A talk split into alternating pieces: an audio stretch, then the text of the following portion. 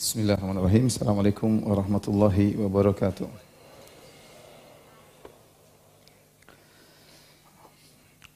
Innal hamdalillah nahmaduhu wa nasta'inuhu wa nastaghfiruhu wa natubu ilaihi wa na'udzu billahi min shururi anfusina wa sayyiati a'malina.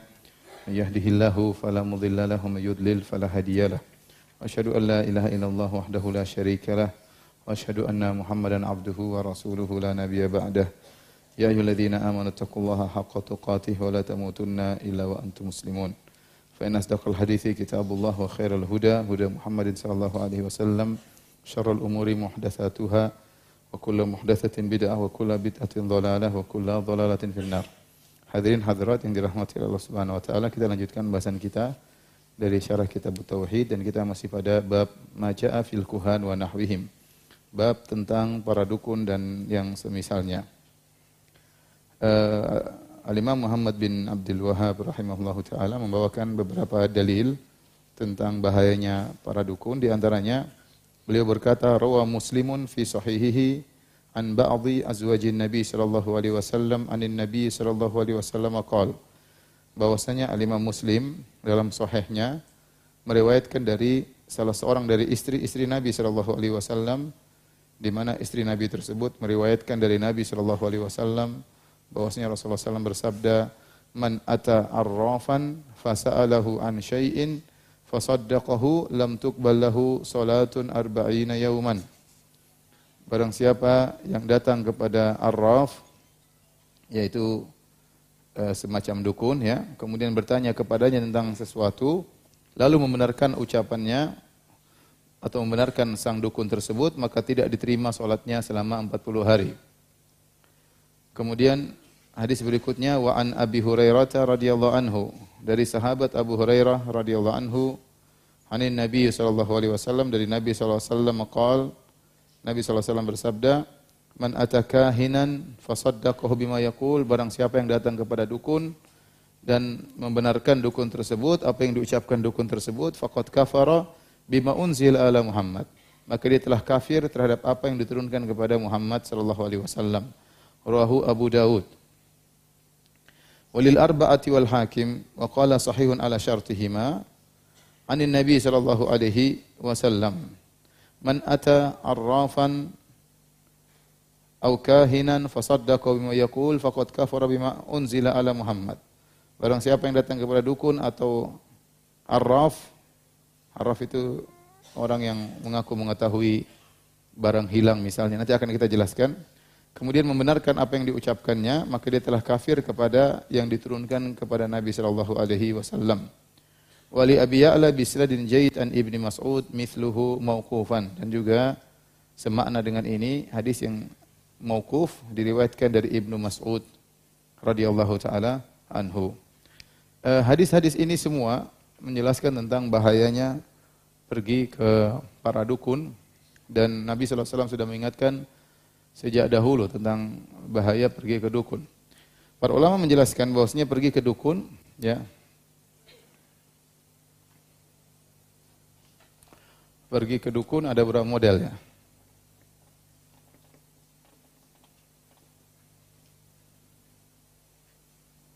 Ada beberapa bentuk. Yang pertama menemui dukun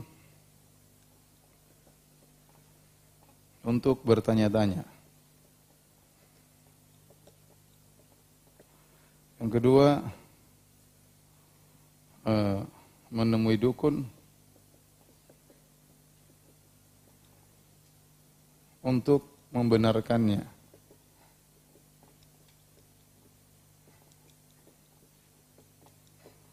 Yang ketiga, menemui dukun untuk mengujinya atau untuk mengingkarinya.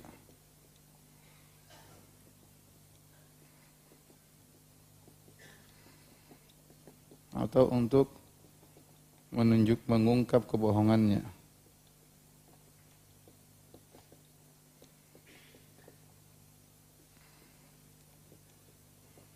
Nah, kalau untuk yang ketiga menemui dukun untuk mengujinya atau untuk mengingkarinya atau kebohongannya maka ini bagus ya. Bahkan mungkin dituntut ya. Mungkin ini bahkan di ini dituntut ya. Dituntut dalam syariat. Ya. Kalau ketahuan tinggal dibawa ke ke tukang jagal kata Uh, dan ini dilakukan oleh Nabi SAW waktu Nabi SAW mendengar tentang Ibnu Sayyad. Ibnu Sayyad adalah seorang yang uh, diduga dia adalah Dajjal. Ya. Karena dia hebat, dia bisa sakti, dia bisa meramal. Ya. Maka Ibnu Sayyad didatangi oleh Nabi SAW, maka Nabi kemudian mengetes dia. Ya. Nabi mengatakan, coba sebutkan apa yang aku sembunyikan dalam hatiku. Ya, waktu itu Nabi sedang baca surat Ad-Dukhan. Maka Ibnu Said mengatakan duh, duh ya hampir tinggal khan gitu kan. Ya, dia artinya dia hebat ya sampai dia bisa menebak isi hati Nabi tapi dia menebak sebagian. Kata Nabi SAW, ikhsa ya falan ta'du qadrak.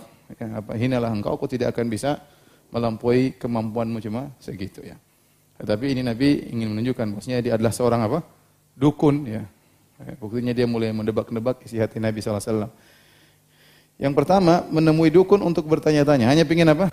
Ingin tahu, ya.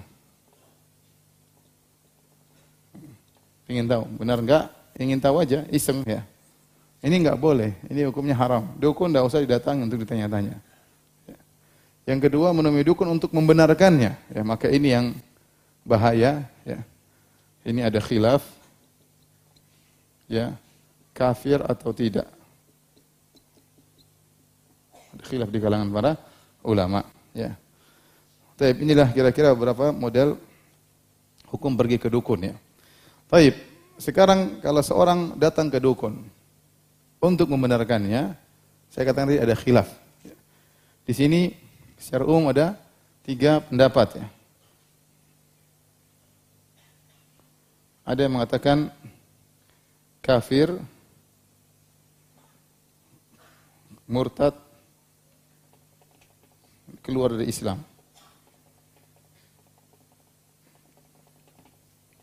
Yang kedua, tawakuf. Tawakuf itu tidak tahu, pokoknya Nabi bilang kafir. Apakah dia kafir kecil atau kafir besar? Tawakuf itu apa? Abstain ya bahasa apa? Ya nggak tahu lah apa kira-kira. Yang jelas Nabi mengatakan apa? Eh, berdi ini berdiam diri saya tidak tahu apakah itu kafir besar atau kafir kecil. Pendapat ketiga dikatakan yaitu kufrun asgar yaitu kufur kecil.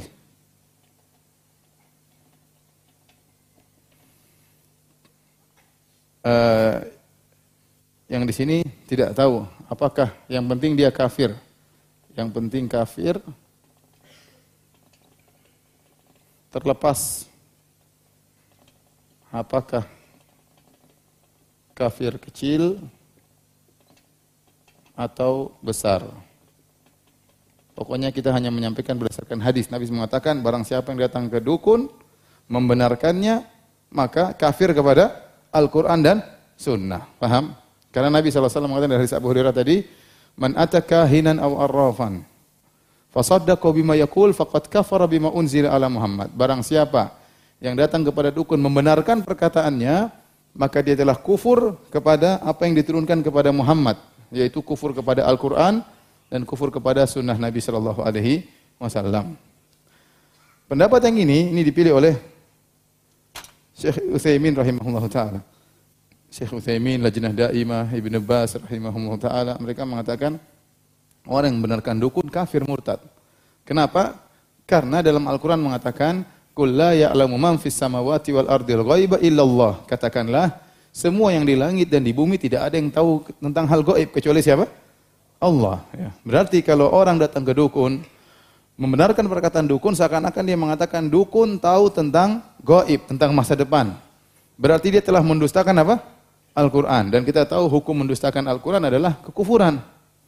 Saya ulangi, kenapa pendapat pertama mengatakan orang yang pergi ke dukun kafir, murtad, keluar dari Islam? Karena dia telah mendustakan apa? Karena telah mendustakan firman Allah Subhanahu wa taala.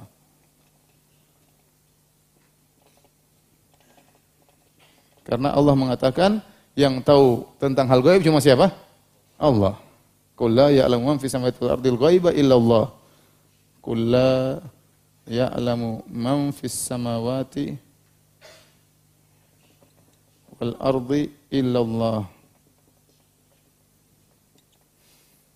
Tidak ada yang tahu di langit maupun di bumi tidak ada yang tahu hal gaib kecuali siapa? Allah. Ini dia mengatakan dukun tahu. Berarti dia kafir karena mendustakan apa? Al-Qur'an. Pendapat yang kedua mengatakan kufur tersebut kufur kecil. Tadi ini pendapat Syekh Utsaimin, Syekh bin Bas, Lajnah Daimah, ya. Pendapat yang kedua mengatakan kufur tersebut adalah kufur asgor, kufur kecil. Kufur kecil artinya dosanya besar tapi tidak keluar dari Islam. Dosanya besar tapi tidak keluar dari Islam. Kenapa? Karena dalam riwayat yang sedang kita baca tadi, man ataka hinan aw arrafan fasaddaqa ma yaqul lam tuqbal salatu arba'ina yauman. Tadi kata Nabi SAW, ya, lam tuqbal salatuhu arba'ina yauman. Tidak diterima solatnya 40 hari.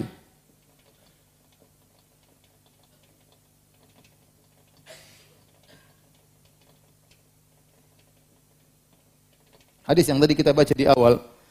Nah, tatkala Nabi mengatakan tidak diterima solatnya 40 hari, berarti dia masih disuruh solat dong. Tetapi solatnya tidak diterima selama 40 hari. Ya, kata para ulama seperti itu, lam tuqbal salatu arba'ina yauman, maka salatnya itu sah namun tidak berpahala. Salat salatnya sah namun tidak berpahala. Seperti sabda Nabi wasallam, "Man syariba khamran lam tuqbal salatu arba'ina yauman." Barang siapa yang minum khamar selama 40 hari salatnya tidak diterima. Tapi dia salat atau tidak? Salat. Dia salat, wajib salat lima waktu, tapi salat tidak diterima. Seandainya kalau uh, kafir, maka tidak perlu diucapkan demikian.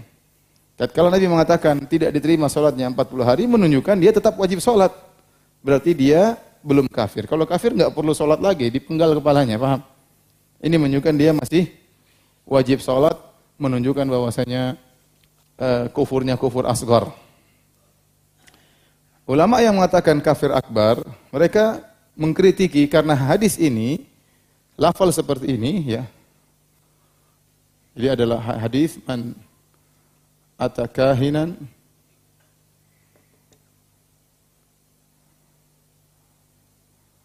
fasa'alahu an syai'in fasaddaqa bima yaqul lam tuqbal salatuhu arba'ina yawman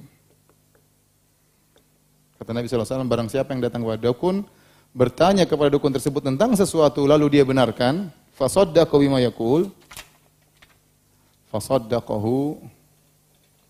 Lafal ini, fasaddaqahu, dia benarkan,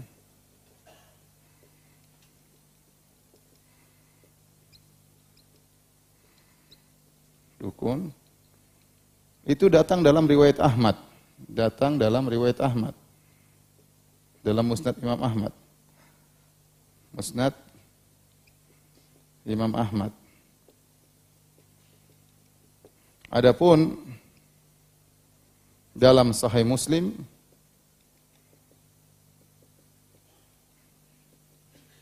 tanpa lafal tersebut, tanpa lafal dia membenarkan dukun.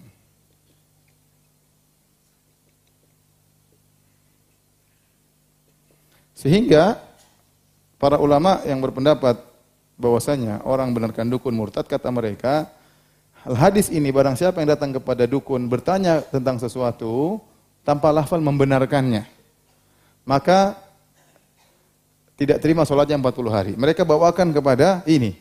Orang cuma datang ke dukun tanya-tanya pengen tahu.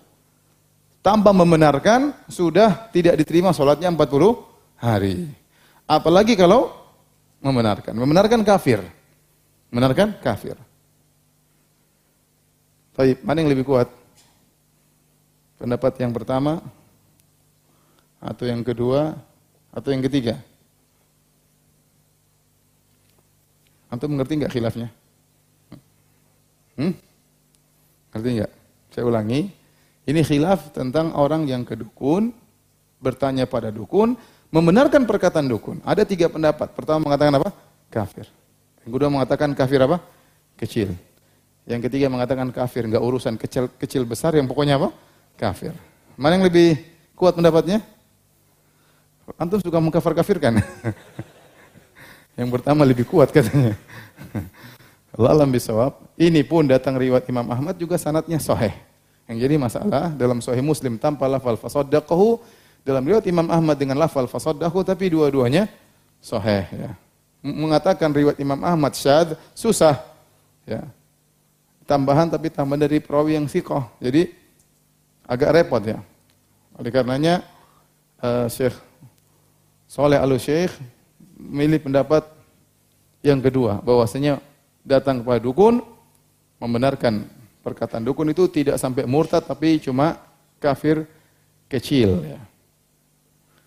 Apa dalilnya? Dalilnya tadi karena dalam riwayat tidak diterima sholatnya. Berarti menunjukkan dia masih muslim, dia masih sholat.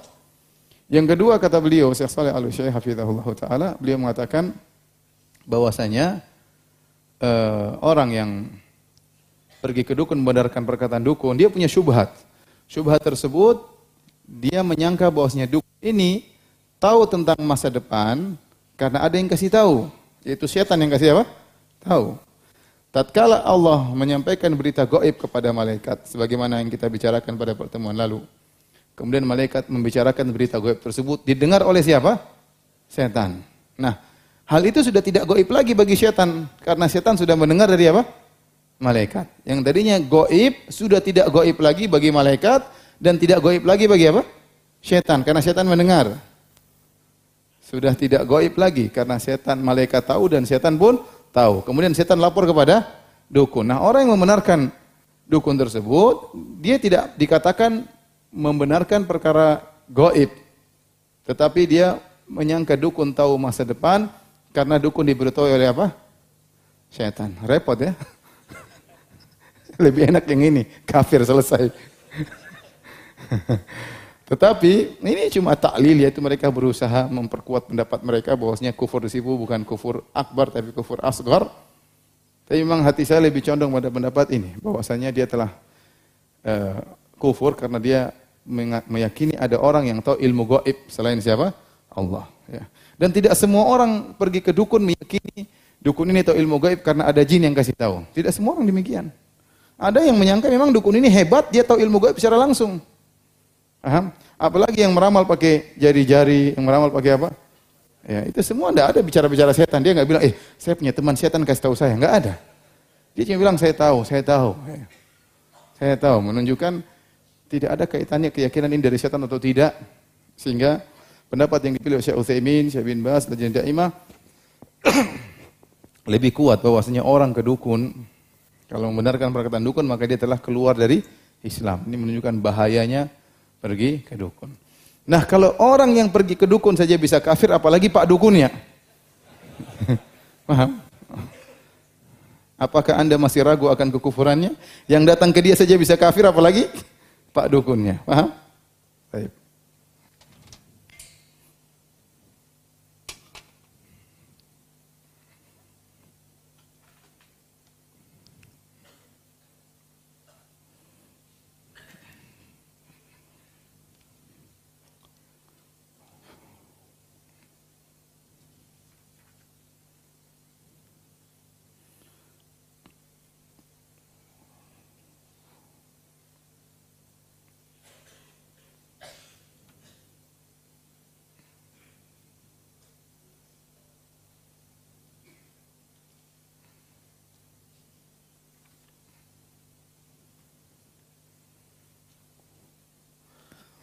Baik, kita lanjutkan ya.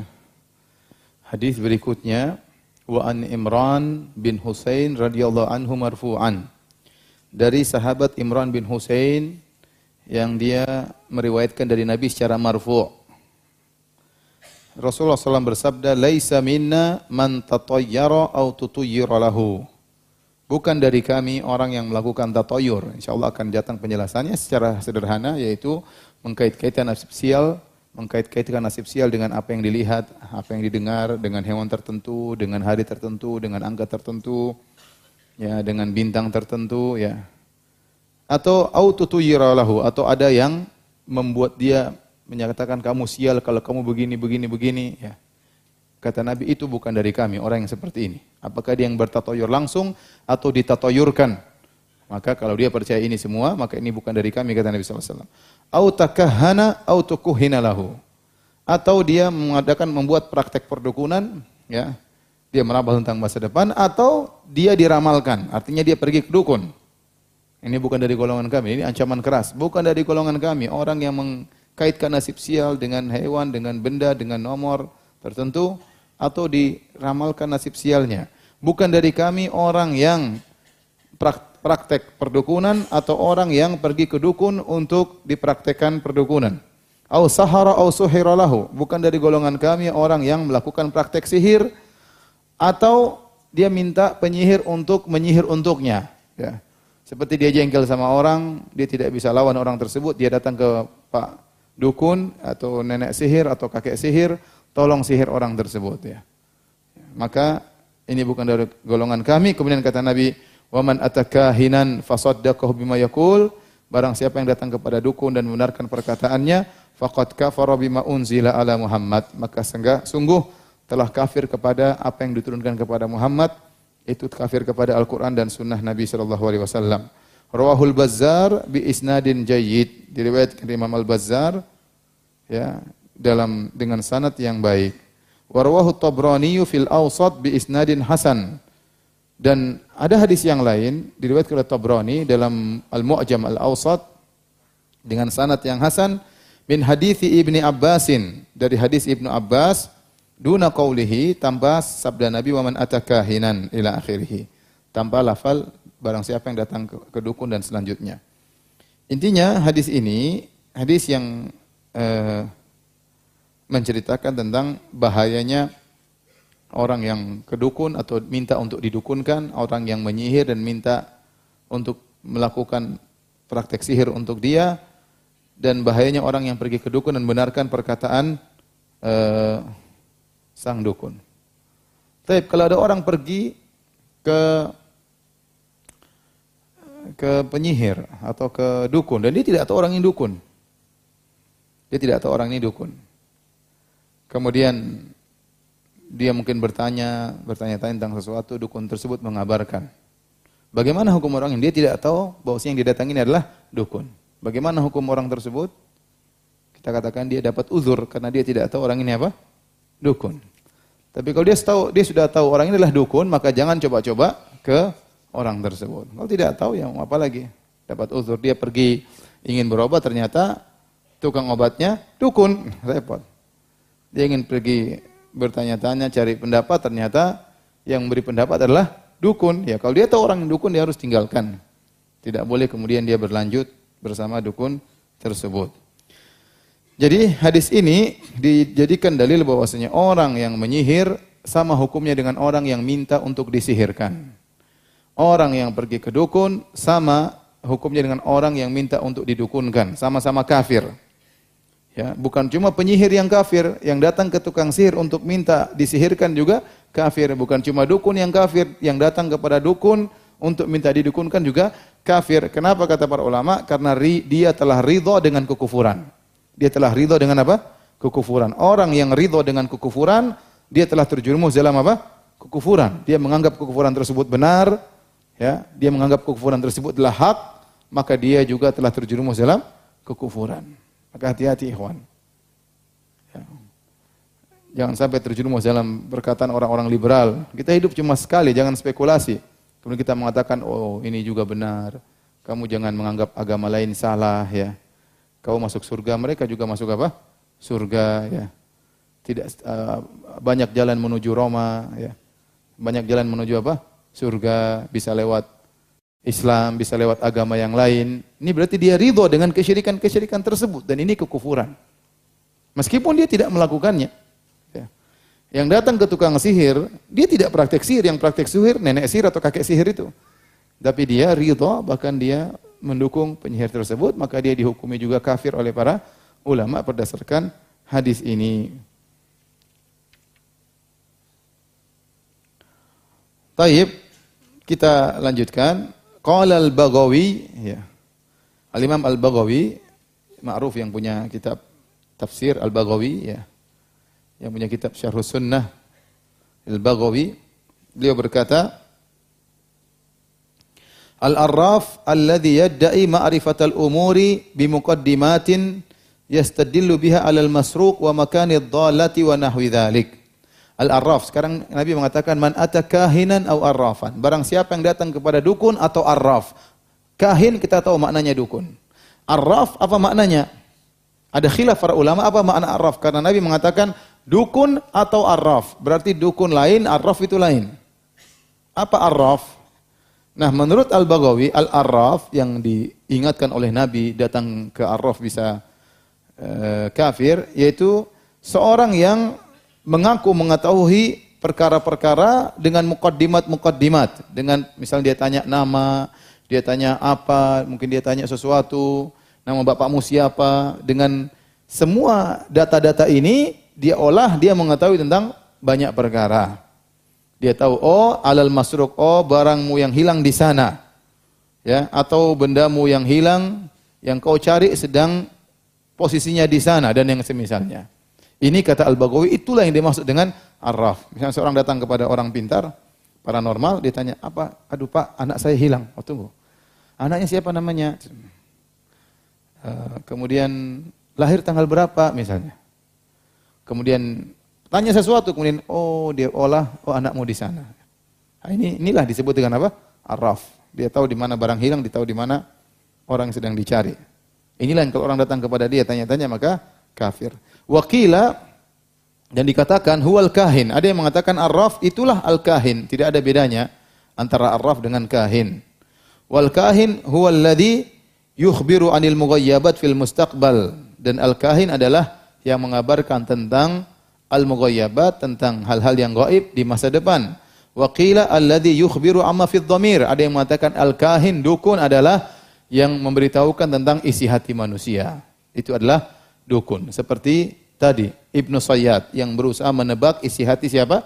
Nabi sallallahu alaihi wasallam. Ini pendapat kedua. Pendapat ketiga dipilih oleh Abu Abbas Ibn Taimiyah rahimahullahu taala Al-Arraf ismun lil kahin wal munajjim wal rammal wa nahwihim. Mimman yatakallamu fi ma'rifatil umuri bihadhihi turuq. Kata Ibn Taimiyah rahimahullah taala Al-Arraf lebih umum daripada uh, Al-Arraf ya sama dengan dukun ya, mencakup segala bentuk perdukunan yang ber, yang semua mereka ini berbicara tentang eh, hal-hal uh, yang gaib dengan berbagai macam dalil. Oleh karenanya kata Ibnu termasuk al-munajjim yaitu yang berbicara tentang masa depan berdalil dengan perbintangan, dengan astrologi, termasuk ar-ramal yang berbicara tentang masa depan berdalil dengan garis-garis di tanah. Semua ini termasuk daripada ar-raf. Allah alam bisawab ya. Ini tadi beberapa pendapat tentang Ar-Raf. Namun yang lebih kuat Allah alam bisawab, Ar-Raf adalah orang-orang yang berbicara tentang barang yang hilang sebagaimana perkataan Al-Baghawi itu namanya Ar-Raf. Tentang barang hilang tentang yang terjadi sekarang. Adapun dukun berbicara tentang masa masa depan.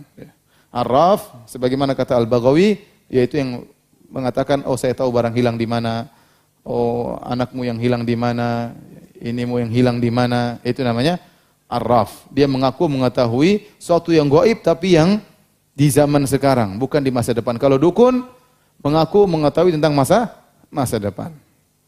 Dua-duanya tidak diperbolehkan untuk didatangi. Baik yang mengaku mengetahui masa depan, baik yang mengaku mengetahui oh barang hilangmu saya tahu di mana. Ini sama. Ini juga mirip-mirip dukun tapi namanya siapa? Arraf ya yang datang kepadanya membenarkan perkataan mereka ini bisa kafir ya. Oleh karenanya ternyata uh, yang disebut dengan dukun yang semisalnya tidak hanya khusus yang berkaitan dengan masa depan, bahkan yang berkaitan dengan masa sekarang ngaku mengetahui barang hilang atau yang mengatakan saya tahu isi hatimu, itu semua dilarang untuk didatangi.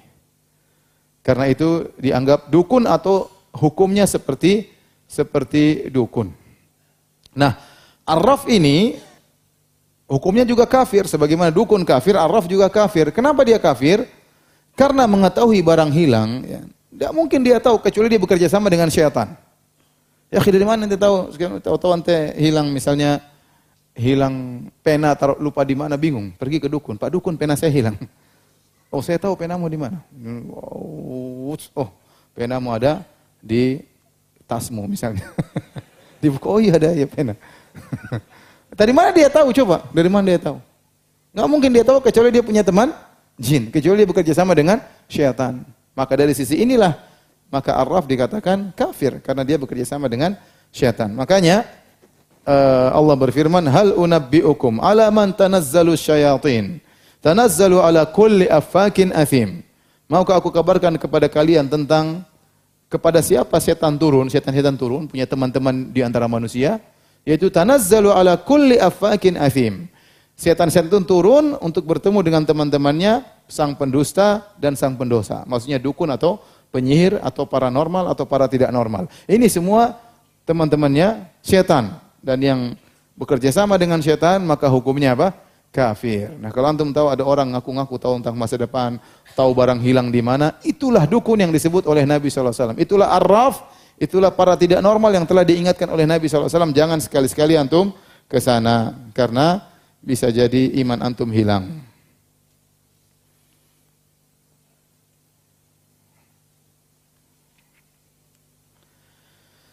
Kemudian Waqala Ibnu Abbasin dan Ibnu Abbas terakhir kata Imam Muhammad Wahab rahimahullah taala Waqala Ibnu Abbasin fi qaumin yaktubuna abajat dan Ibnu Abbas berkata tentang orang-orang yang menulis tentang abajat sebagaimana sudah kita sebutkan kemarin ya eh, huruf-huruf yang setiap huruf mewakili nomor uh, tertentu ya abjad hawis ya dan seterusnya ya ya Wa yanzuruna fin nujum, kemudian memandang kepada bintang-bintang.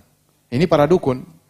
Kata Ibnu Abbas, ma ara man fa'ala dzalika lahu indallahi min khalaq. Menurutku orang yang melakukan demikian, yang meramal dengan abjad, abajat, yang meramal dengan melihat kepada bintang-bintang, menurutku mereka tidak akan mendapatkan bagian di akhirat dari Allah Subhanahu wa taala. Ini ungkapan bahwasanya Ibnu Abbas mengkafirkan mereka. Ibnu Abbas mengkafirkan apa? Mereka. Berarti para dukun para arraf, itu paranormal, dikafirkan oleh Ibnu Abbas dan itu yang benar bahwasanya mereka memang kafir karena mereka mengaku-ngaku mengetahui ilmu gaib padahal Allah mengatakan tidak ada yang tahu ilmu gaib kecuali Allah Subhanahu wa taala. Sini ada perkataan yang indah dari uh, penulis Fathul Majid ya.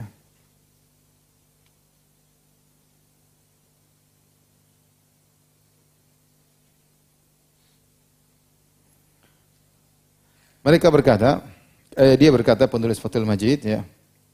Abdurrahman bin Hasan kalau tidak salah namanya.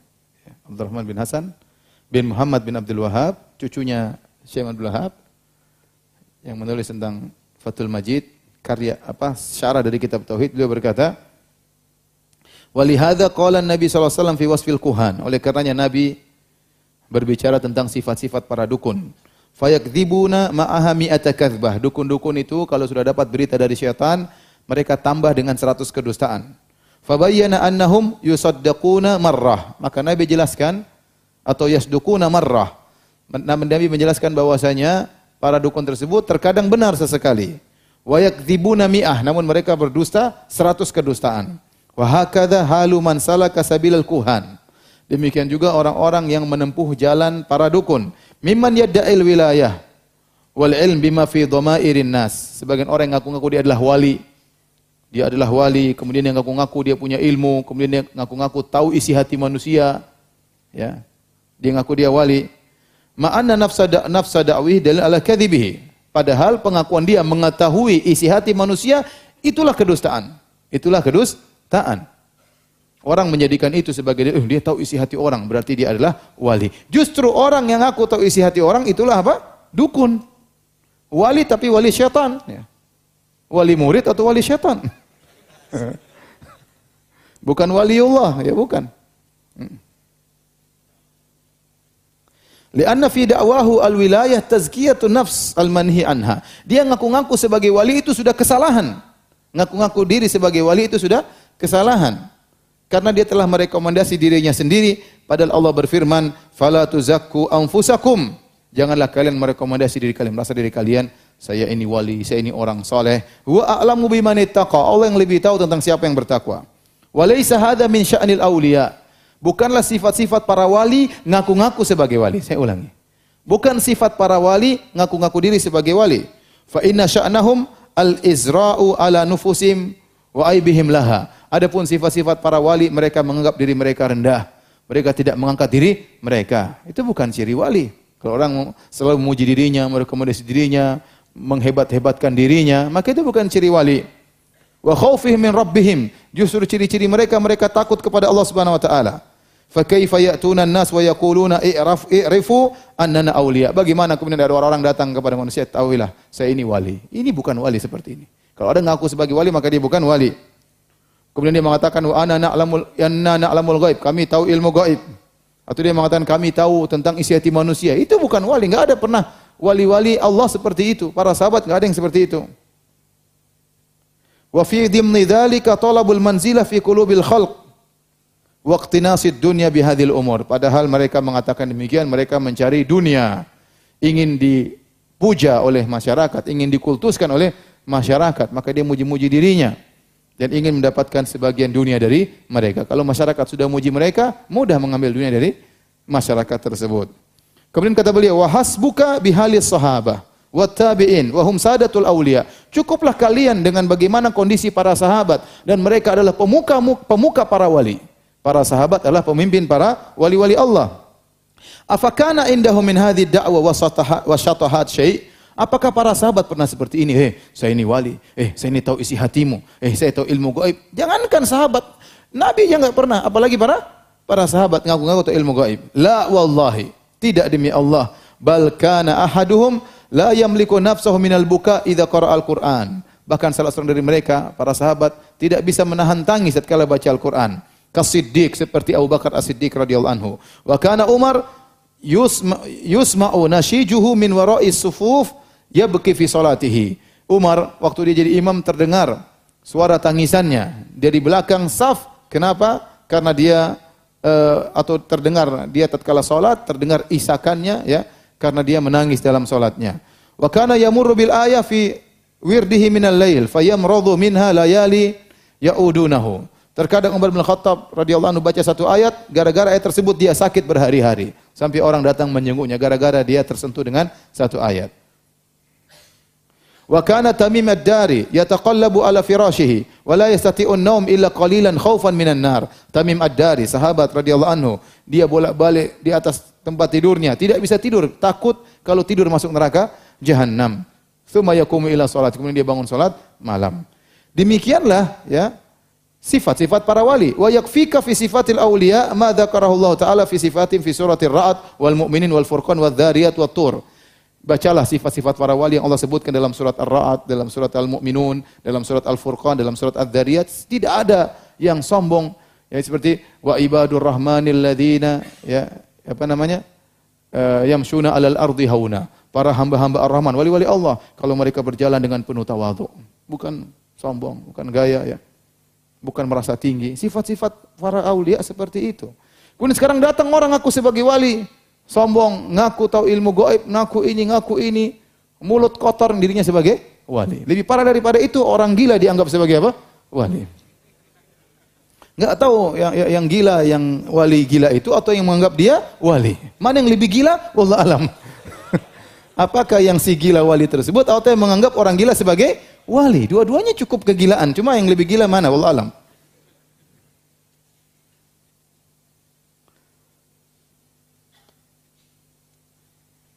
Taib ini sekedar disampaikan oleh beliau. Allah Ta'ala alam biswab. Sampai sini saja kajian kita. Insya Allah kita lanjutkan pada hari Ahad dengan berikutnya. Kalau ada yang bertanya saya persilahkan.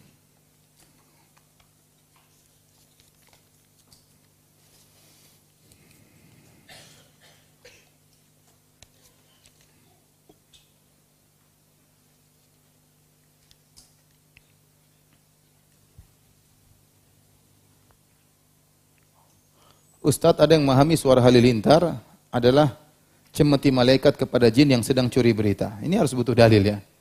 Apakah suara guntur itu malaikat yang sedang mencemeti apa? Uh, jin yang mencuri berita? Kalau dalil yang datang bahwasanya setan-setan yang mencuri berita tersebut bukan dicemeti oleh malaikat tapi terkena lemparan apa? bintang ya. Ustadz, bagaimana pendapat Ustadz tentang kejadian rame-ramenya penduduk daerah Jawa Timur pindah ke suatu pesantren karena takut akan hari kiamat? Mereka percaya di tempat tersebut mereka akan selamat. Ya, akhi. Kalau datang hari kiamat tidak ada tempat untuk selamat. Kata Allah, "Fa idza ja'ati tammatul kubra." Jika tiba malapetaka yang tomah, yaitu meliputi segala sesuatu. Enggak ada yang selamat. Mau ke pesantren enggak selamat, mau ke mana? Kalau hari kiamat ada yang selamat? Enggak ada yang selamat, semua akan mati. Ya. Semua akan mati tatkala hari kiamat. Kalau azan kasih tahu ya. Ustadz saya dapat ritual dari saudara untuk penolakan santet. Ritual itu baca syahadat tujuh kali, salawat tujuh kali, al-fatihah tujuh kali. Bolehkah ritual ini diamalkan? Lebih afdal daripada ini adalah dengan baca Al-Baqarah, ya, menolak setan, kemudian zikir pagi petang, banyak zikir. Adapun ini saya nggak tahu dari mana ya. Ya. Taib azan dulu.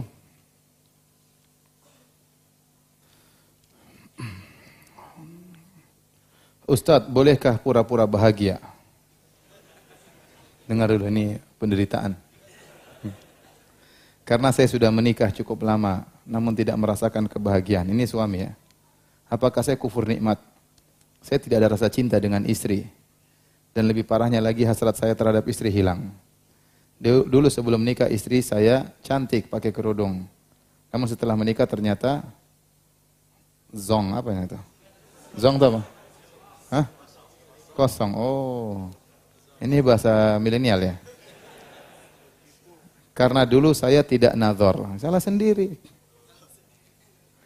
Pernah waktu itu ingin saya ceraikan, namun saya kasihan karena dia sangat mencintai saya. Mau nasihatnya Ustadz? Sabarlah.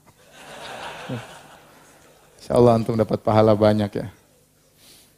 Tapi tidak menutup kemungkinan antum boleh nikah lagi ya. Kalau memang antum tidak mendapat kebahagiaan, tidak tertutup jalan ya. Ini antara kesalahan. Orang mau menikah, nazar dulu ya. Unduru, undur ila ma yad'u ila nikahiha. Kata Nabi, lihatlah kepada sang wanita yang bisa memotivasimu, memotivasimu untuk menikah. Maka di antara sunnah sebelum menikah adalah ta'aruf, adalah nazar ya bahkan boleh melihat wajahnya, boleh melihat rambutnya, boleh melihat tangannya, betisnya, diperbolehkan ya. Karena itu biar tidak ada terpedaya atau tertipu ya. Ini yang salah bukan sang wanita ya. E, tapi dia sendiri kenapa tidak nazar ya.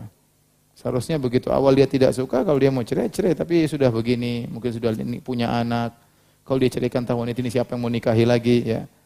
Saya anjurkan dia bersabar ya tidak apa-apa dia menyenangkan hati istrinya tersebut dan tidak mengapa dia menikah lagi kalau memang kondisinya seperti ini. Tetap dia berusaha adil dan apa namanya e, biar dia tidak sampai terjerumus dalam kemaksiatan.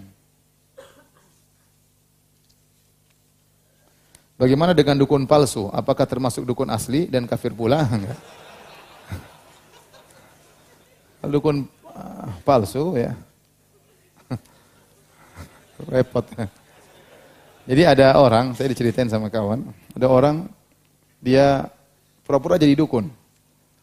Setiap musim pilkada, maka dia datang kepada dua calon misalnya di di kota tersebut. Dia datang, dia bilang, Pak, Bapak taruh uang sama saya eh, 2 miliar.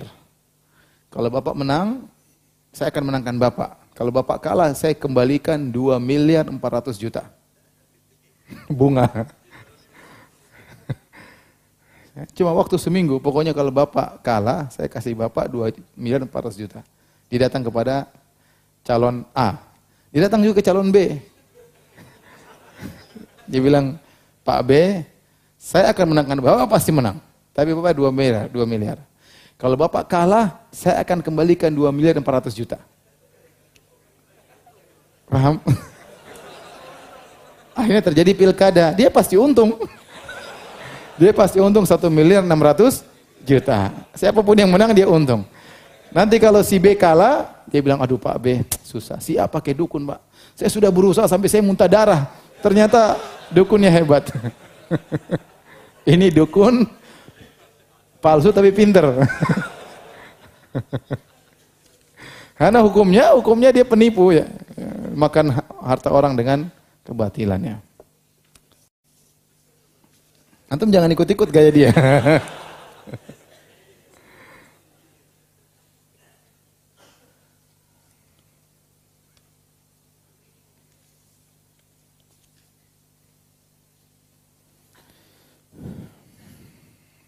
Saya bekerja di perusahaan swasta dan mendapat fasilitas kendaraan mobil. Mobil tersebut boleh dibawa pulang dan boleh dipakai di luar jam kantor. Yang mau saya tanyakan sampai batas mana saya dapat menggunakan mobil tersebut agar tidak berat pertanggungjawabannya di akhirat, tanyakan kepada pemilik mobil yaitu pihak kantor. Saya boleh pakai mobil ini sebatas mana aja?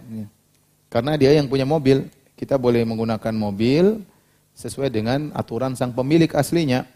Kalau dia mengizinkan silakan. Selain di jam kantor boleh pakai, boleh ke pasar, boleh mana-mana yang penting dirawat ya udah pakai aja nggak ada masalah. Ya, tergantung apa yang disampaikan oleh pemilik mobil yang sepunya.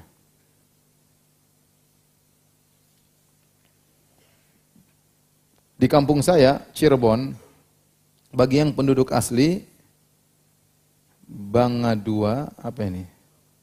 Bango dua. Apa itu Bango dua? Kecamatan ya, Kecamatan Bango dua. Bahwasanya tidak boleh berjualan nasi, tidak boleh menanam ketan hitam, labu hitam, dan lain-lain. Bagi yang nekat berjualan nasi, maka kehidupan rumah tangganya hancur atau terkena penyakit yang susah disembuhkan karena telah melanggar aturan adat istiadat setempat. Ana jadi bingung mau buka usaha jualan nasi, pasti orang tua ana tidak mengizinkan. Mohon sholatnya Ustadz, apa yang harus anda lakukan? Jualan aja, Bismillah ya. Ente udah ngaji, Bismillah. Orang tua mbak itu nggak benar mbak itu itu syirik, itu tatoyur. Ente pasti akan diganggu ya.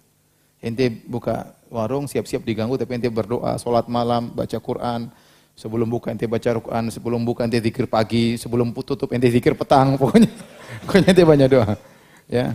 Karena biasanya kalau masyarakat sudah punya keyakinan tersebut, ada yang buka pasti setan ganggu untuk membenarkan keyakinan tersebut. Itu dicari oleh setan agar masyarakat percaya terhadap keyakinan tersebut. Ya akhirnya di Bekasi banyak orang jualan nasi. Apa keluarganya hancur?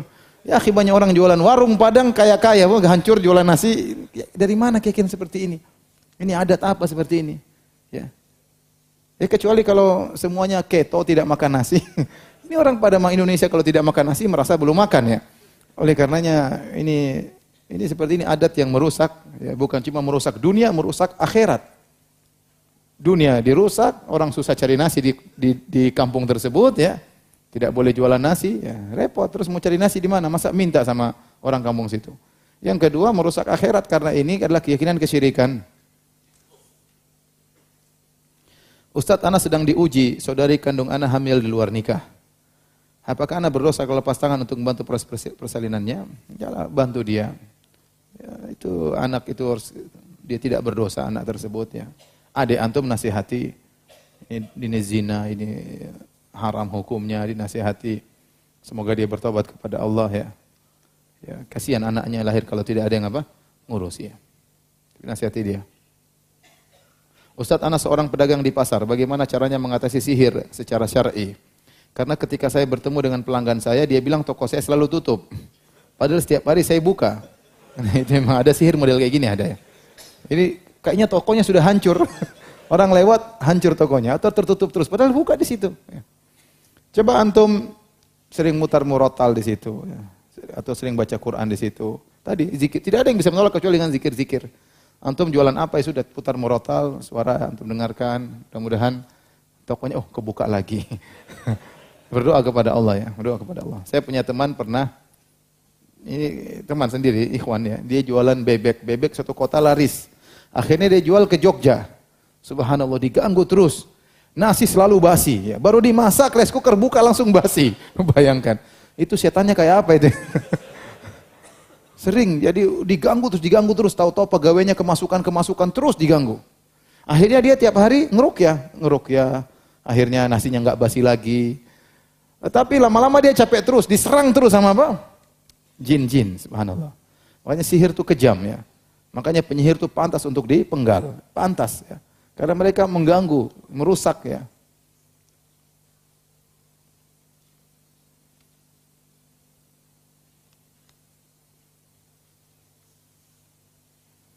Ini tadi ya, Ustaz, apakah petir adalah suara cemeti malaikat mengusir setan? Tadi saya, saya jawab bahwasanya uh, tidak ya.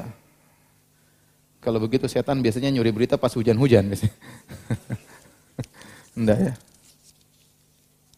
Ustadz, apakah boleh bertawasul kepada Nabi Isa yang ada di langit kedua agar doa-doa kita bisa dikabulkan?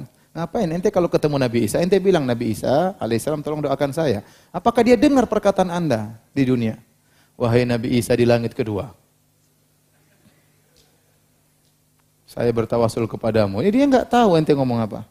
Makanya tatkala hari kiamat Allah pang, Allah panggil Nabi Isa dalam Al-Qur'an Allah katakan Ya Isa ya uh, apa nih? Anta qulta lin nasi ittakhid ittakhiduni wa ummi ilahaini min dunillah. Ya. Wahai Isa, apa kau pernah mengatakan kepada pengikutmu jadikanlah aku dan ibuku sebagai dua tuhan selain Allah? Ya. Kata Nabi Isa, subhanaka ma yakunu li an aqula ma laysa li bihi ilm. In kuntu qultuhu faqad alimta. Ta'lamu ma fi nafsi wa la ma fi nafsik. Innaka anta alamul ghuyub. Ma qultu lahum illa ma amartani bihi ani'budullaha rabbi wa rabbakum wa kuntu alaihim syahidan ma dumtu fihim falamma tawaffaitani kunta antar raqiba alaihim kata Nabi Isa maha suci engkau ya Allah ya aku tidak pernah berkata kepada pengikutku kecuali apa yang kau perintahkan untuk aku ucapkan kepada mereka dan aku dulu menyaksikan mereka, aku tahu apa yang mereka lakukan waktu aku masih hidup bersama mereka.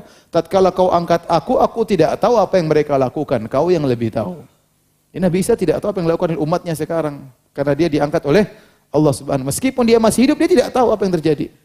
Makanya dia menyebutkan dalil pada hari kiamat kelak, wa kuntu alaihim syahidan ma dumtu fihim. Saya dulu hadir bersama mereka waktu saya bersama mereka, saya menyaksikan mereka. Falamma tawaffaitani tatkala kau angkat aku, kunta antar raqiba alim. Engkau yang mengawasi mereka. Aku tidak bisa mengawasi mereka lagi. Ya. Kalau antum bilang ya Nabi Isa, Nabi Isa, oh dia mana mau dengar ya. Meskipun dia masih hidup ya. Dia enggak nggak dengar ya. Dia nggak tahu ya. Jadi kalau antum bisa telepon dia, ya baru. Kalau antum nggak bisa telepon, gimana caranya? Sama seorang sekarang misalnya ada orang alim, misalnya si Abdul Misal Abad di Madinah. Kemudian kita di sini, ya Allah, ya si Abdul Muhsin, doakan saya. Nggak mungkin. Antum telepon dia, baru antum minta didoakan ya. Tapi kalau dia tidak mendengar, maka ini tidak diperbolehkan. Ini syirik, bahaya.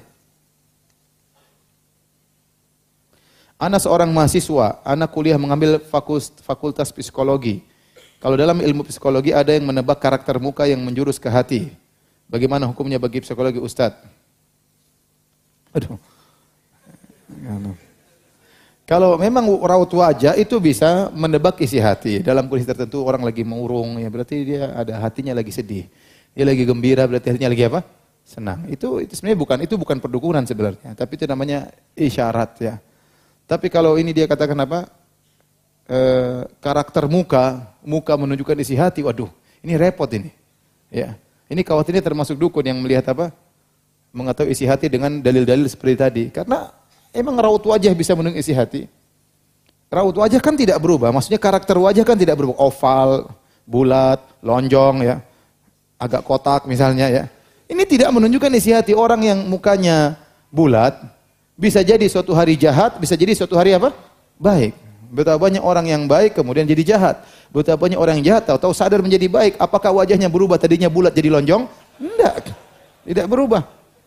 Terus bagaimana kemudian bisa mengatakan bahwasanya karakter wajah itu menunjukkan isi hati orang? Saya bilang ini aneh kalau seperti ini jangan diikuti. Yang antum sekedar mengetahui oh ini pendapat psikologi. Nah, apa antum belajar tapi antum jangan meyakini hal tersebut ya. Antum berusaha sesuai dengan syar'i.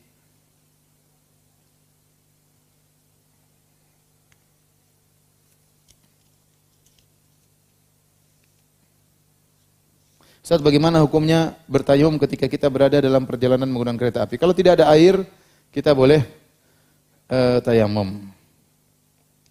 Karena di dalam kereta terdapat air yang berada dalam toilet, toilet yang kita sendiri tidak tahu akan kesucian dan kebersihan tempat toilet yang tersedia. berwudu. Kalau ada air apa? Berwudu. Kalau airnya kelihatan bersih, hukum asal air itu apa? Bersih. Kecuali kelihatan ada kotoran di situ, baru antum jangan berwudu, antum tayamum. Tapi kalau tidak ada tanda-tanda kotoran, maka hukum asal air itu apa? Bersih. Maka jangan tayamum, tapi berwudu. Ustadz, mohon nasihatnya untuk istri saya yang sangat menyukai perhiasan. Dia berdalih bahwa itu kodrat wanita. Dia benar ya? Dia benar. Benar ya? iya.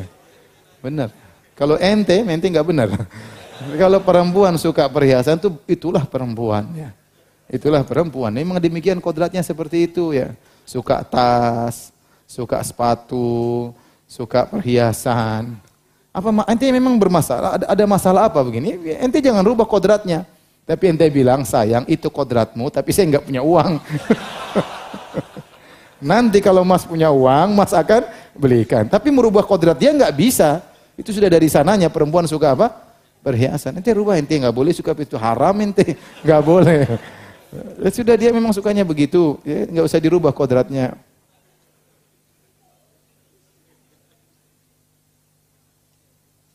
Ustadz pada zaman dahulu kala kami tidak sholat, kami meminum alkohol, kami pergi ke dukun, Ketika kami sekarang perbaiki diri, apakah sholat kami tidak diterima selama 40 hari setelah pertama mulai sholat? E, kalau antum baru saja bertobat dari e, minum khamar, maka selama 40 hari tidak diterima. Tetapi tetap sholat, itu hukuman. Hukuman, terima hukuman tersebut ya. Mengurangi dosa-dosa.